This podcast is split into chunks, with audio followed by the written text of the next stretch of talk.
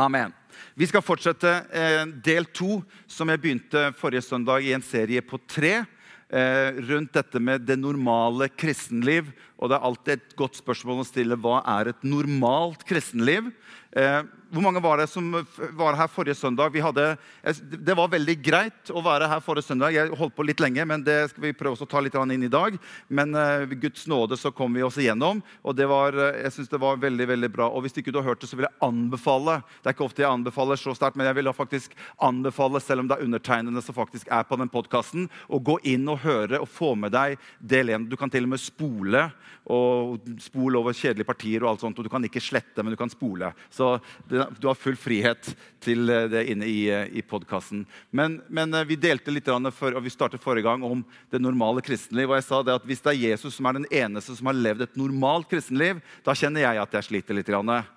Hvis han er den som liksom skal sette standarden for hver eneste en av oss, ok, da Ja. Men hva er et normalt kristenliv? Og Vi prøvde å snakke litt om det forrige gang. Jeg kommer ikke til å si veldig mye om det i dag, i det hele tatt, for det har vi ikke tid til. fordi vi må videre i den serien som vi har startet. For Forrige gang snakket vi om dette med å sitte ut ifra hva Paulus skriver om i Efeserbrevet. Og vi har parallellkjørt både Feserbrevet og Romerbrevet i denne serien. her. Og Vi startet forrige gang i Romerbrevet og vi startet i Efeserbrevet. Og Paulus han sier noe fantastisk i Efeserbrevet. At Gud, Gud reiste Jesus Kristus opp fra de døde og satte han ved sin høyre hånd i himmelen.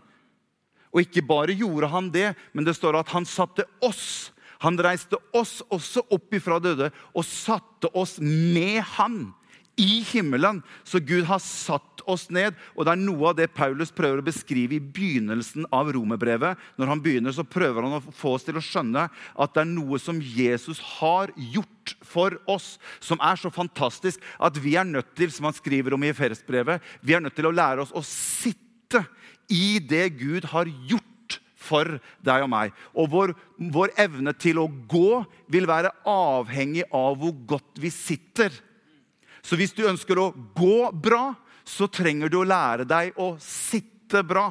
For din ferdsel med Gud, din, din, vandring med Jesus, vil være avhengig av hvordan du sitter i det Jesus har gjort for deg og meg. Det er altfor mange kristne mennesker som løper rundt og prøver å gjøre ting i egen kraft. Og deres vandring med Gud blir en sånn Martha-opplevelse gjennom hele livet. Men Maria hun hadde lært seg å sette sette seg ned ved Jesus sine føtter. Og Det er det Paulus beskriver for oss i starten av romerbrevet. Så Første eh, kalte vi for å sitte. I dag skal vi snakke litt om å gå. Og så skal jeg avslutte neste søndag med å snakke litt om dette med å bli stående eller å stå fast i det som Gud har kalt oss det. Jeg gleder meg allerede til neste søndag. Vi tok utgangspunktet i det som Paulus skriver til galaterne. Eh, kapittel 2 og vers 19 der sier Paulus noe fantastisk. Der sier han jeg er blitt korsfestet med Kristus. Det er ikke lenger jeg som lever, men Kristus lever i meg. Det livet som jeg nå lever, det lever jeg i tro på Guds sønn, han som elsket meg og ga seg selv for meg. Så vi snakket forrige søndag om blodets betydning, og vi snakket forrige søndag om korsets betydning. Fordi at du og jeg vi trenger blodet for å få renset, vi trenger blodet for å bli gjort rettferdige. Men blodet greier ikke å ta seg av min gamle natur den naturen som er en arvedel av Adam, som vi alle mennesker fikk, det tar ikke blodet seg av. Men korset tar seg av den delen. Og Det er det som er så fantastisk når Paulus begynner å undervise i romerbrevet. At blodet trenger du og jeg for å få renset oss og få rett, komme i rett stilling innenfor Gud. Og han rettferdiggjør oss ved sitt blod. Men korset kommer inn i bildet. Og Det er derfor Paulus sier at 'jeg er korsfestet med Kristus'. Og Det er det Paulus prøver å forklare, at det fins en todelt frelse her. Det er at blodet tar seg av at jeg blir født på ny, men jeg opplever fortsatt at jeg har en syndig natur i meg, selv om jeg er blitt gjort ren. Og hva er det for noe? Det er min tilbøyelighet i meg, som Paulus sier, til at jeg trekkes mot det som jeg ikke vil gjøre. Og da snakker Paulus om at det fins en løsning for deg og meg som en troende. Det er korsets kraft.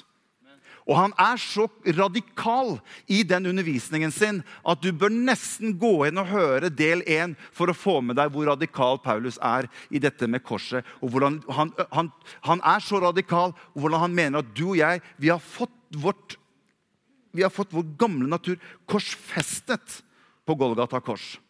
Og det tar jeg imot inn i mitt liv på samme måte som jeg tar imot frelsen og sier takk, Jesus for at du døde for meg. Takk for at du ga ditt blod for meg, og takk for at du har renset meg fullkomment ren. På samme måte tenker Paulus det kan du og jeg også gjøre ved korset. Jeg ber ikke Jesus om å dø for meg en gang til. Å, du må, du, du må, du må, må dø en gang til, Jesus, fordi, at, fordi at jeg, jeg, jeg føler tilbøyelighet mot synd. Men jeg kan takke Jesus på samme måte. Takk for at når du ble korsfestet, så korsfestet du min gamle syndenatur sammen med deg på Golgata kors. Så det vi fikk i Adam ved fødsel, brøt Jesus ved at vi fikk noe tilbake til oss ved den nye fødsel i Kristus Jesus. Jeg blir født på nytt, og Jesus kommer inn og blir den siste Adam. Han tilveiebringer noe for deg og meg som gjør at ikke bare renser han oss, deg og meg ren, men han har en, en, en, en vei ut av å oppleve at det er ikke alltid bare synden som skal herske over meg. Men han sier såpass kraftig at synden skal ikke lenger herske over dere. For vi er blitt korsfestet med Kristus Jesus. Og dette her er spennende. Fantastisk spennende. Så nå har jeg brukt altfor lang tid på å bruke og nevne, men dere kan gå inn på. Ok, ja, Vi går videre. Jeg har bare lyst til å få Paulus gå videre. Er dere klar for å, å få eh, litt mer undervisning? Det var åtte stykker. Er dere klar for å få litt mer undervisning? Ja, det er bra. Vi må få litt sånn eh, Vi må ha litt eh, Fikk dere denne her, forresten? Bare, sånn, bare greit å vite hva det er for noe. Det er ikke sånn der, sånn der bok et eller annet. Du kan, nei, dette her er faktisk litt sånn manus. det her er litt det vi kommer til å gå igjennom. bare sånn. Og så står det på baksiden der står det bibelvers som jeg kommer til å bruke. Og det står noen stikkord som jeg kommer til å bruke i talen. Og det står et spørsmål også nedi her som er greit å ta rundt middagsbordet. Så kan du stille til spørsmålet rundt de som du har som middagsgjester. For her har jeg skrevet at hvorfor går så mange troende rundt og lever liv i nederlag når Jesus har vunnet en så stor seier? Det er et godt spørsmål. Det tar vi ta rundt middagsbordet. Ok. Eh, vi skal gå litt videre her. fordi at Vi snakket forrige gang om at vi er i Adam. På hvilken måte er vi i Adam? Jo, ved fødsel. Vi arver syndefallet fordi at vi kommer fra Adam. Så selv om jeg ikke hadde gjort noe galt i utgangspunktet, så fulgte det arverekken i Adam. Men så kommer Gud inn med en fantastisk løsning som heter 'i Kristus'. Så Kristus går inn og gjenoppretter det som falt ved Adam. Sånn at når jeg kommer i Kristus, så får jeg tilgang på noe som er veldig, veldig bra. Det å komme i Kristus er ikke noe jeg kan gjøre av meg selv. Det er et verk han gjør. Derfor skriver Paulus noe fantastisk i 1. Korinterbrev kapittel 1 og vers 30. Der står det Men det er av Han at dere er i Kristus. Det er ikke noe du og jeg får til selv, men det er på grunn av Han at dere er i Kristus Jesus. Han som for oss Han som for oss Ser du hva som står? Han som for oss ble visdom fra Gud og så fortsetter han. Han ble rettferdighet, han ble helliggjørelse, og han ble forløsning. Så Paulus snakker om at alle de tingene vi leser der, er noe som er i Kristus. Ja, men Er det ikke jeg som skal bli helliggjort? Jo, men det skjer kun igjennom at du og jeg er i Kristus. På utsiden, i egen kraft, vil du og jeg aldri greie å få det til selv. Så rettferdighet får vi ikke til selv. Til og med helliggjørelse. Selv om du og jeg skjerper oss nå skal jeg, den neste uka nå, nå, nå skal jeg virkelig være snill gutt. altså. Nå skal jeg virkelig stå på, jeg skal legge inn noen flere timer i bønn og bibellesning. Helliggjørelse har ingenting med hva du og jeg gjør. Men det har med noe med hvem du og jeg er i Kristus Jesus. Og det er kun han som kan gjøre et verk i deg og meg som gjør at jeg avtar, og han Er det noen bibelsprengte her? Jeg skal avta, og Kristus skal vokse eller tilta. Ja, bra. Det er noen som er på 1930-oversettelse, men det er greit. Ok, status quo. Vi er rettferdiggjort ved hans blod. Så vårt gamle menneske er korsfestet med Kristus. Vi er begravet med ham, og vi er oppstått med ham til å vandre i et nytt liv. Så jeg har tre nøkkelord som jeg skal starte med her i begynnelsen. Og så skal vi gå inn på noe annet vi, som, som, et bindeledd til neste søndag. For nå, fortsetter Paulus i kapittel 6 og vers 6 i romerbrevet. Vi har begynt å gå gjennom de første kapitlene. Nå har vi kommet til kapittel 6 og vers 6. Og Her skal jeg dele med dere tre ord som kommer ganske tett på hverandre, som bare understreker eller underbygger det vi har vært igjennom allerede. For i vers 6 så skriver Paulus noe fantastisk. nå, og Så sier han 'Vi vet', sier han. Vi vet at vårt gamle menneske ble korsfestet med han. For at den kroppen som er underlagt synden Ja, men Er ikke vi frelst, da? Er ikke vi ren, da? Jo, men ikke kroppen. Ikke den gamle syndenaturen. Den henger fortsatt med. Og det er her Paulus snakker om. For den kroppen som er underlagt synden, skulle tilintetgjøres, sier Paulus. Han er radikal. Og vi ikke lenger skulle være slaver under synden. Men det er ordet 'vi vet'. Det er der jeg vil bare poengtere litt. For det ordet der 'vi vet', det er noe mer enn bare en slags form for kunnskap. Det ordet 'vi vet', det er et veldig sterkt ord på grunnteksten. I begynnelsen av kapittelen i, i Romerbrevet så har Paulus brukt ofte ordet tro. Ved tro, tro, tro. Nå begynner han å bruke ordet 'vi vet'. Det ordet der er en åpenbaring av noe som har blitt klart for oss, som ved frelsen. Det er det som ligger i det ordet vi vet. Det henviser til noe som har blitt klart og som har blitt åpenbart for oss i livene våre. Derfor skriver Paulus at 'vi vet'. Jeg har ikke bare lest meg til det. Jeg har ikke bare hørt om det. Det er ikke bare kunnskap jeg har tilegnet meg. Nei, dette har blitt levendegjort i mitt hjerte ved Den hellige ånd. Det er den samme åpenbaring som gjør at jeg vet på hvem jeg tror, sier Paulus. Og Paulus bruker dette ordet ganske mange ganger i sine brev. Han sier, 'Jeg vet, jeg vet, jeg vet', ut ifra at jeg har hatt erfaring med det ordet 'jeg vet'. Og det er det han skriver her, rundt det med at jeg vet, vi vet at vårt gamle menneske ble korsfestet med ham. Det er en sterk overbevisning, og det er samme tanken som Paulus skriver litt senere, i kapittel 8 og vers 15. Der skriver han noe fantastisk. Han sier, 'Dere har fått ånden som gir rett til å være Guds barn.' 'Den som gjør at vi roper Abba, far.' Ånden selv vitner sammen med vår ånd om at vi er Guds barn. At vi vet at vi er Guds barn. Det er den samme tanke her som Paulus bruker i vers 6 når han sier at vi vet at vårt gamle menneske er blitt korsfestet med Kristus.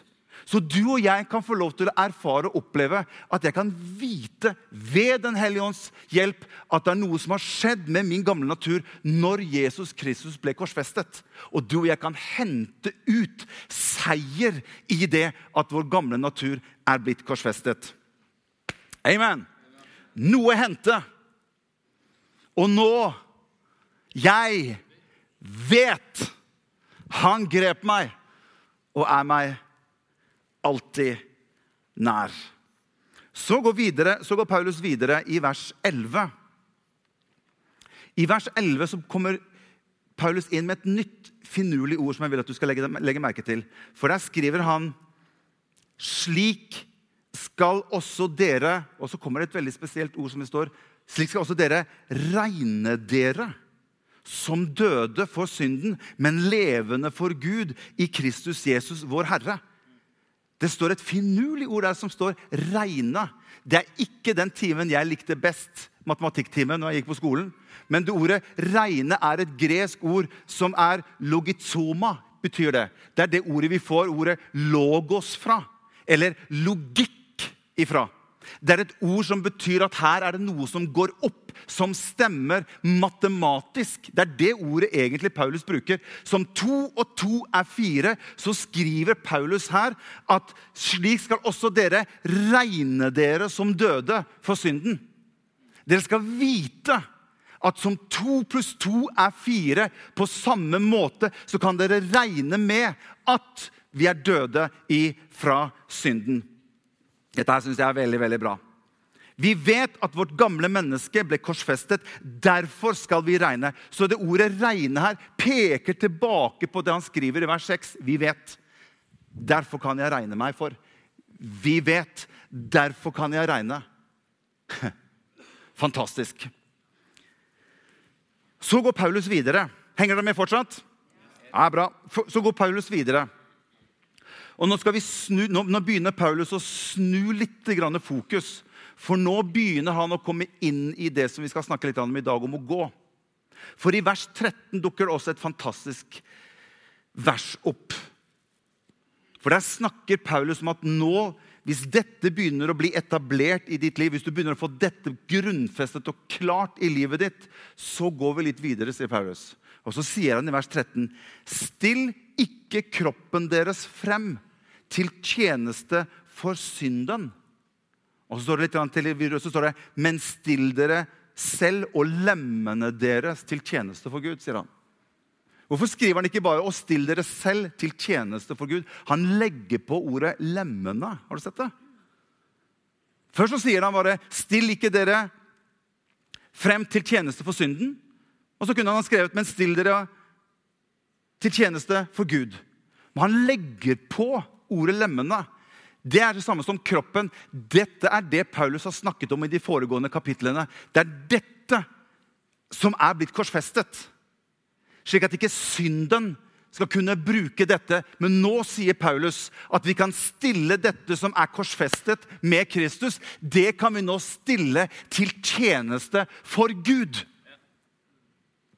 Så istedenfor at den onde stikker av gårde med deg og meg, så kan Jesus få lov til å stikke av gårde med deg og meg. Ikke bare her langt inne i hjertet, hvor det er fint at jeg, at jeg er født på ny. og det er så fint at Man kan få lov til å bruke hele deg og meg. Det fins et liv i tjeneste for Gud, hvor du og jeg kan få lov til å oppleve at det er ikke bare at Jesus bor langt inn i hjertet mitt, men hele meg. Jeg og kroppen min, alt som hører meg til, kan jeg stille til rådighet til tjeneste for Gud. Man, Det er bra, det. Og Det er nå Paulus begynner å snakke om at nå skal dere få lov til å begynne å gå og vandre sammen med meg. Og Her kommer vi inn på det som i Feserbrevet. For først i Efeserbrevet så begynner Paulus med at nå må vi lære oss å sitte. Det er det vi har snakket om nå. Så begynner Paulus her i kapittel 6. Så sier han nå kan dere få lov til å begynne å presentere dere til tjeneste og bruke kroppen til tjeneste. Nå skal vi begynne å gå.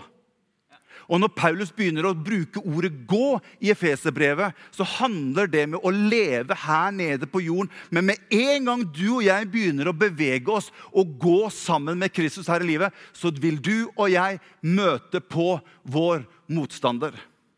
Og det er det Paulus han bare sier med en gang. Selv om i Kristus kroppen din er korsfestet, så vil likevel det være en mulighet for den onde å få deg og meg til å komme ut på avveie. Og Derfor så sier han før de begynner å gå, still ikke kroppen deres til tjeneste for den onde. Bare vær obs på det, sier han. At det er en mulighet fortsatt, selv om min kropp i Kristus er korsfestet, så er det fortsatt en mulighet for den onde til å friste deg og meg og få deg og meg til å bruke kroppen vår til det som ikke er Gud behagelig. Og Det er det Paulus snakker om her. Derfor, står, derfor står, skriver han i Efeserbrevet kapittel 4 og vers 1. Jeg, sier han, som er fange i Herren. Og det er dette som kobles opp imot det som står i Efeserbrevet kapittel 6. Jeg formaner dere til å vandre verdig, sier han. Til å gå verdig. Vandre verdig det kall som dere er kalt med. Og så fortsatte han i vers 16 i Romerne. Og så sier han obs, obs, obs, sier han. Dere blir enten slaver under synden, og det fører til død. Eller så blir dere slaver under lydigheten, og det fører til rettferdigheten. Og det er her kampen begynner for deg og meg. For du og jeg vi har en motstander som heter den onde. Lucifer, Satan, eller jeg vet ikke hva du, uh, hva du vil kalle han. Men vi har en motstander, og det står, Paulus snakker om at han går rundt som en brølende løve og prøver å sluke deg og meg. Og hør, Du må ikke tro at vi kan gå gjennom livet her og ikke være affektert av vår motstander. Da tror du helt feil. Og han gjør hva han kan for å fortære deg og meg å si, levende. Vi har en motstander.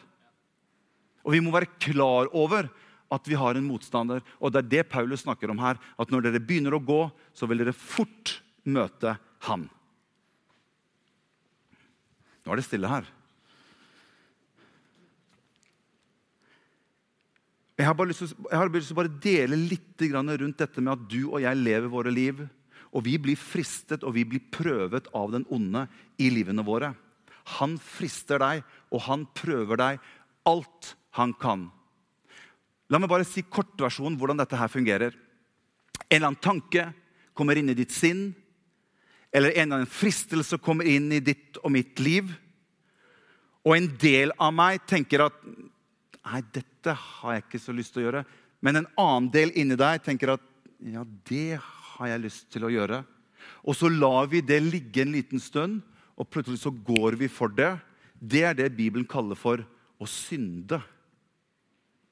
Ordet synd, vet du hva det betyr?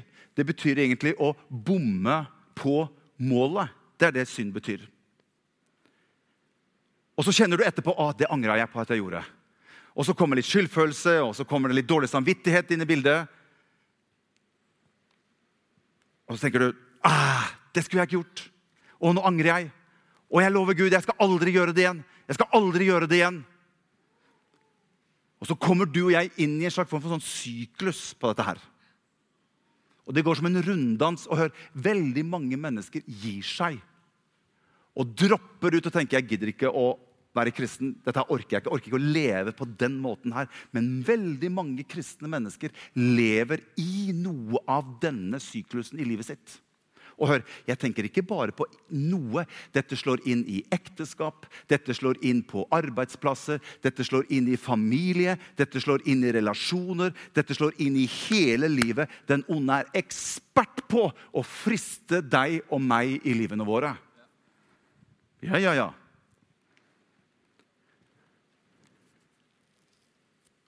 Hva skal vi gjøre for noe? Og Jeg opplevde så klart etter søndagen, forrige søndag og kom til mandagen jeg var hjemme alene. Og jeg opplevde så klart hvordan Herren talte i mitt hjerte til å komme og si til dere her i dag at det fins et liv i seier med Jesus Kristus.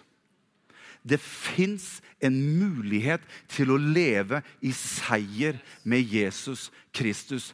Du trenger ikke å gå rundt uke etter uke, år etter år, og nesten inngå et slags for kompromiss, hvor den onde har greid å så en tanke i ditt hode at du må bare regne med at sånn er du, og sånn kommer det til å være resten av livet ditt. Og vi lever i et kompromissliv i livet når det fins en seier fra Golgata som gjør at du og jeg kan leve i hans seier, og seier over den onde og det han ønsker å friste og ønsker å få oss til å gjøre, som ikke er Gud behagelig.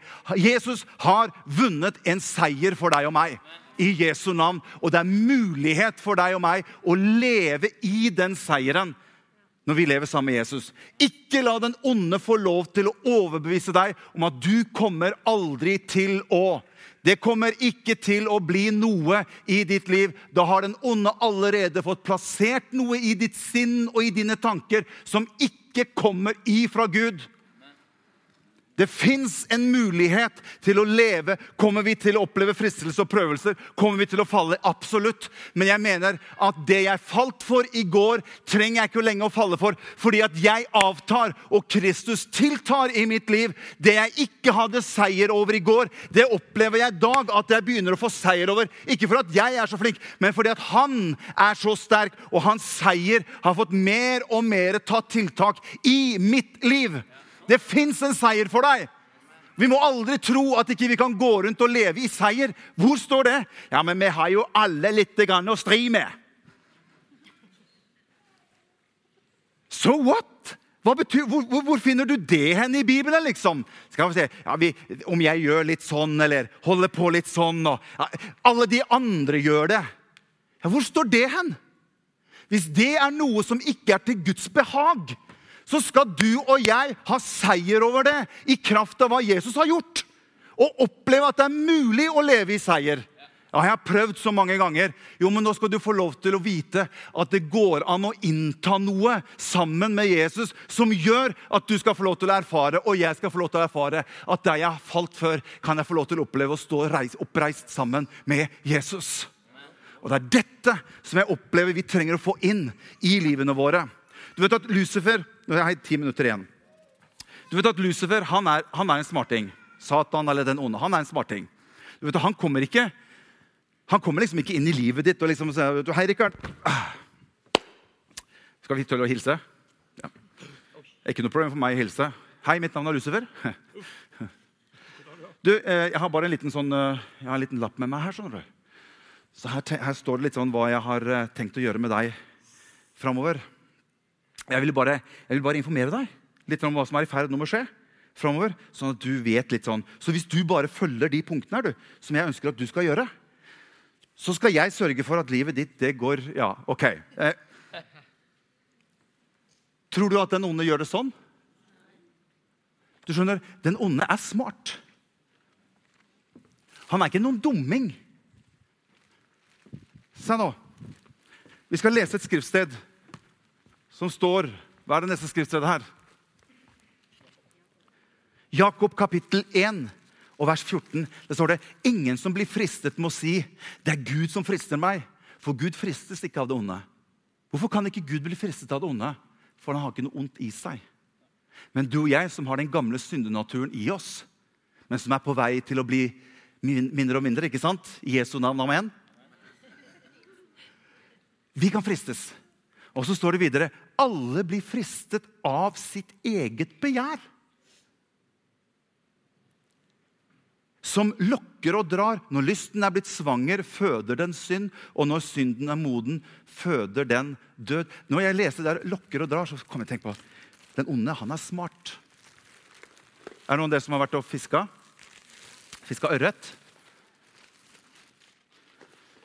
Du vet at når jeg fisker ørret så kommer ikke jeg på fiskeplassen og så går liksom helt ut på kanten på en stein. OK, fisk! OK, hør nå her. Eh, jeg har tenkt å fiske her. Så hvis dere kunne bare samle dere litt sånn tett innpå her, sånn rundt 20 meter fra land, så skal jeg fiske dere opp. Jeg kommer til å kaste ut et agn. På det agnet så er det en krok. Og det er et viktig poeng. For når du ser den kroken, så tar du også biter du over den kroken. Og den kroken kommer til å gå gjennom kjeven din.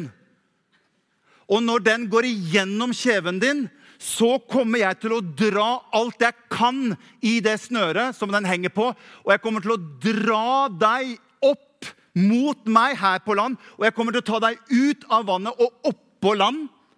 Og jeg kommer til å ta deg og legge deg ned på, på marken oppå landet her. Og så kommer jeg til å ta en stein i min høyre hånd. Og så kommer jeg til å slå deg hardt i hodet med den steinen. Helt, ja, Kanskje hende at du har besvimt allerede. Det, kan, det, det, vet jeg ikke. Men da kommer jeg til å gjøre det. Og så kommer jeg til å ta kroken, for den er min.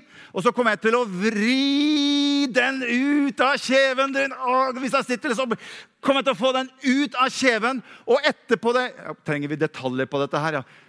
Dere gjør det, alle folk her. så det, det, her er ikke noe annet enn bare reality. Dette er virkelig. Og så kommer jeg til å ja, vi kan ikke trenger ikke gå i tallet, Men jeg kommer i hvert fall til å flå deg og steike deg og spise deg. Er det, det er jo ikke sånn man fisker. Og sånn gjør ikke den onde det heller. Han er smart.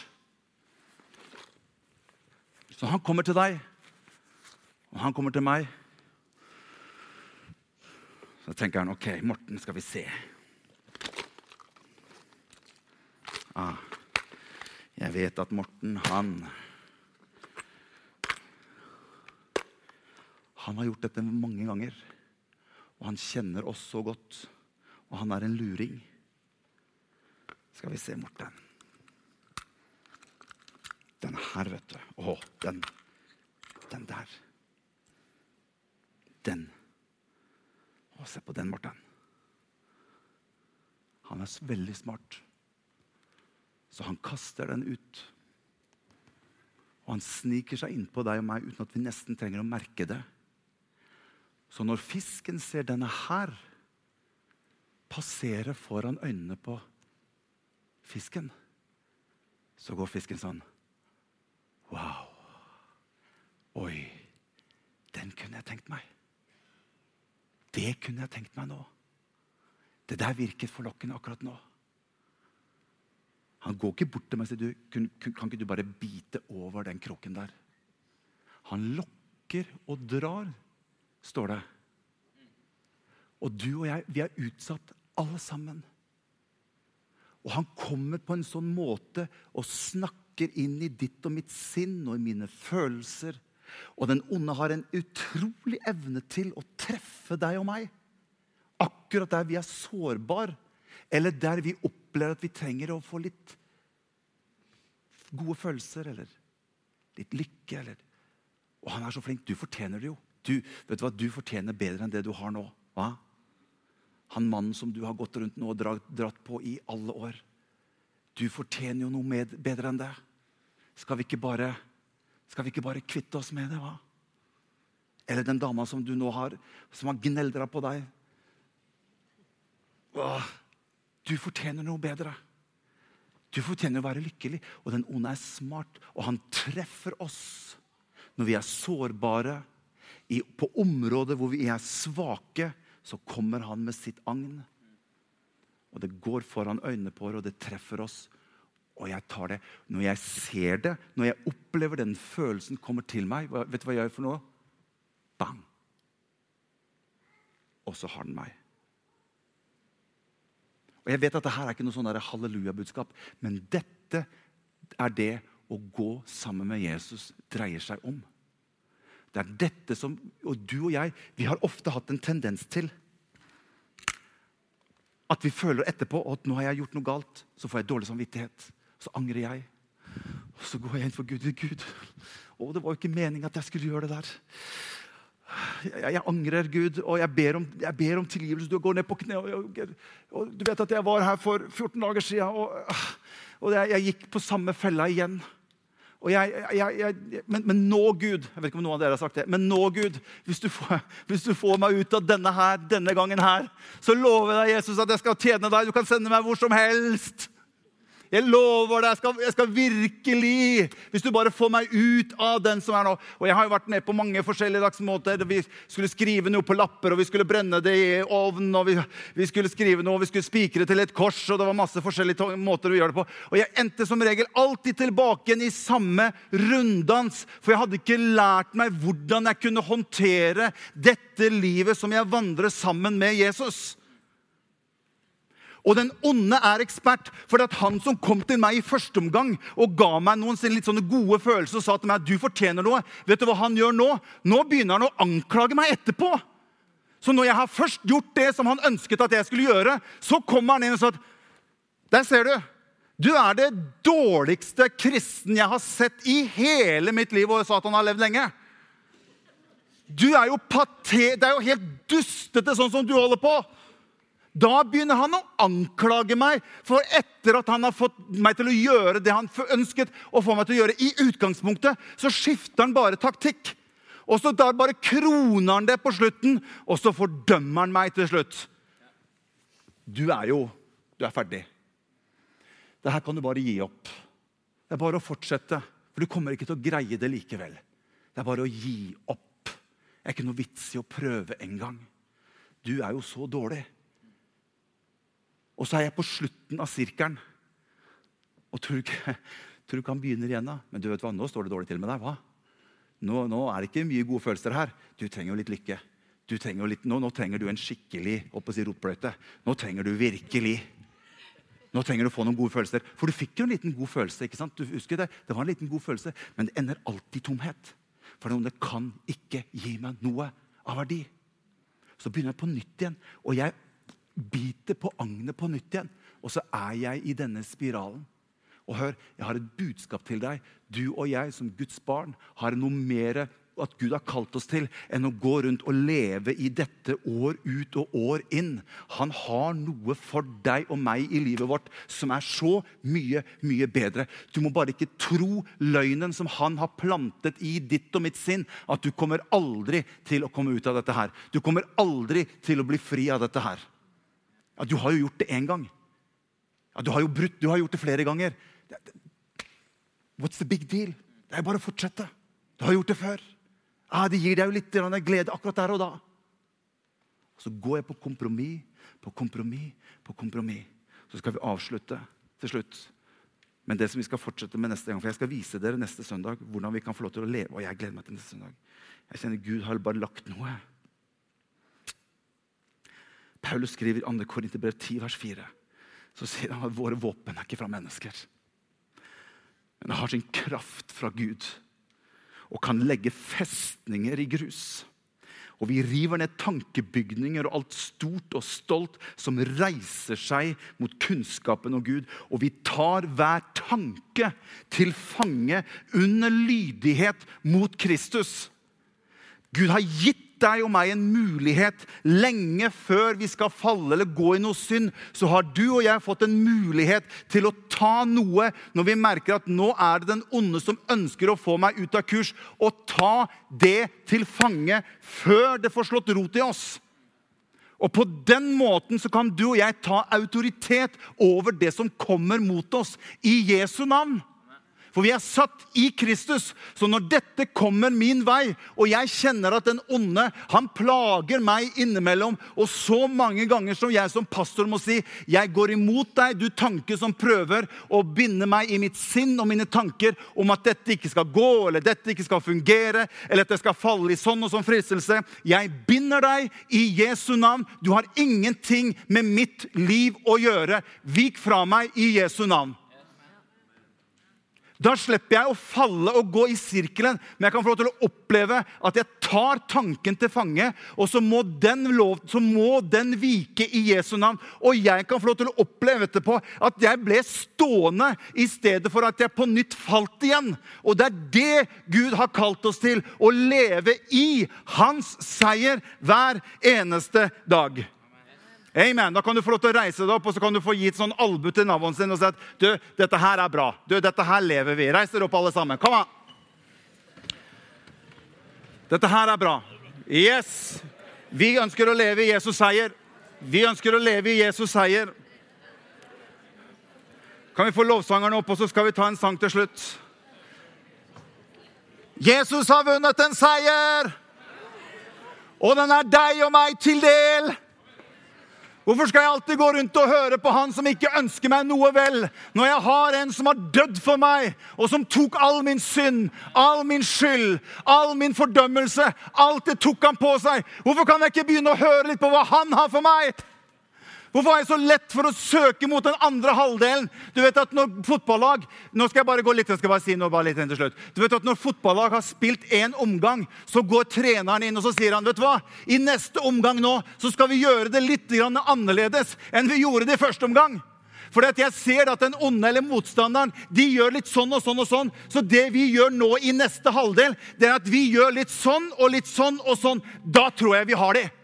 Og det er det jeg opplever at Gud har en andre halvdel for deg og meg i livene våre. At i den første halvdel så hadde kanskje den onde mye større tilgang til deg. Men i neste halvdel, som kan starte fra i dag av, så kan du få lov til å erfare i ditt og mitt liv at nå er det andre boller, heter det. For han som er i meg, han er sterkere enn han som er i verden. Og jeg kan få lov til å si når disse tankene kommer til meg, og jeg ofte er enig med ja, jeg er så dårlig, ja, jeg, jeg får ikke til. Du kan si 'ti still'! Jeg vil ikke høre på hva du har å si til meg. Jeg hører på hva Jesus har å si til meg. Up, up, up, up, up, up, up. Det er Jesus som skal få lov til å tale inn i mitt liv, og ikke du. Du har talt lenge nok inn i mitt liv på dette området i mitt liv. Det er over. Neste halvdel er med Jesus i sentrum og ut ifra hva han har vunnet på Golgata kors. Jesus, jeg takker deg for hver eneste som er her. Jeg takker deg for at du har kalt oss til å kunne leve et liv i seier i deg, Jesus Kristus. Takk for at du har født oss på ny, og du har kalt oss inn i deg til å leve et liv med løftet hode og kjenne i vårt hjerte at han som går med meg, han er sterkere enn min motstander. Jeg ber for hver eneste en at vi skal få lov til å kjenne på at den morgendagen som vi møter, den skal jeg ikke frykte, fordi at du er med meg. Din kjepp og din stav, den trøster meg, og jeg kan få lov til å gå i din seier hver eneste dag med blikket festet på deg, Jesus, og med morgendagen i dine hender. Og alt folket sa amen. De synger litt. Takk skal du ha.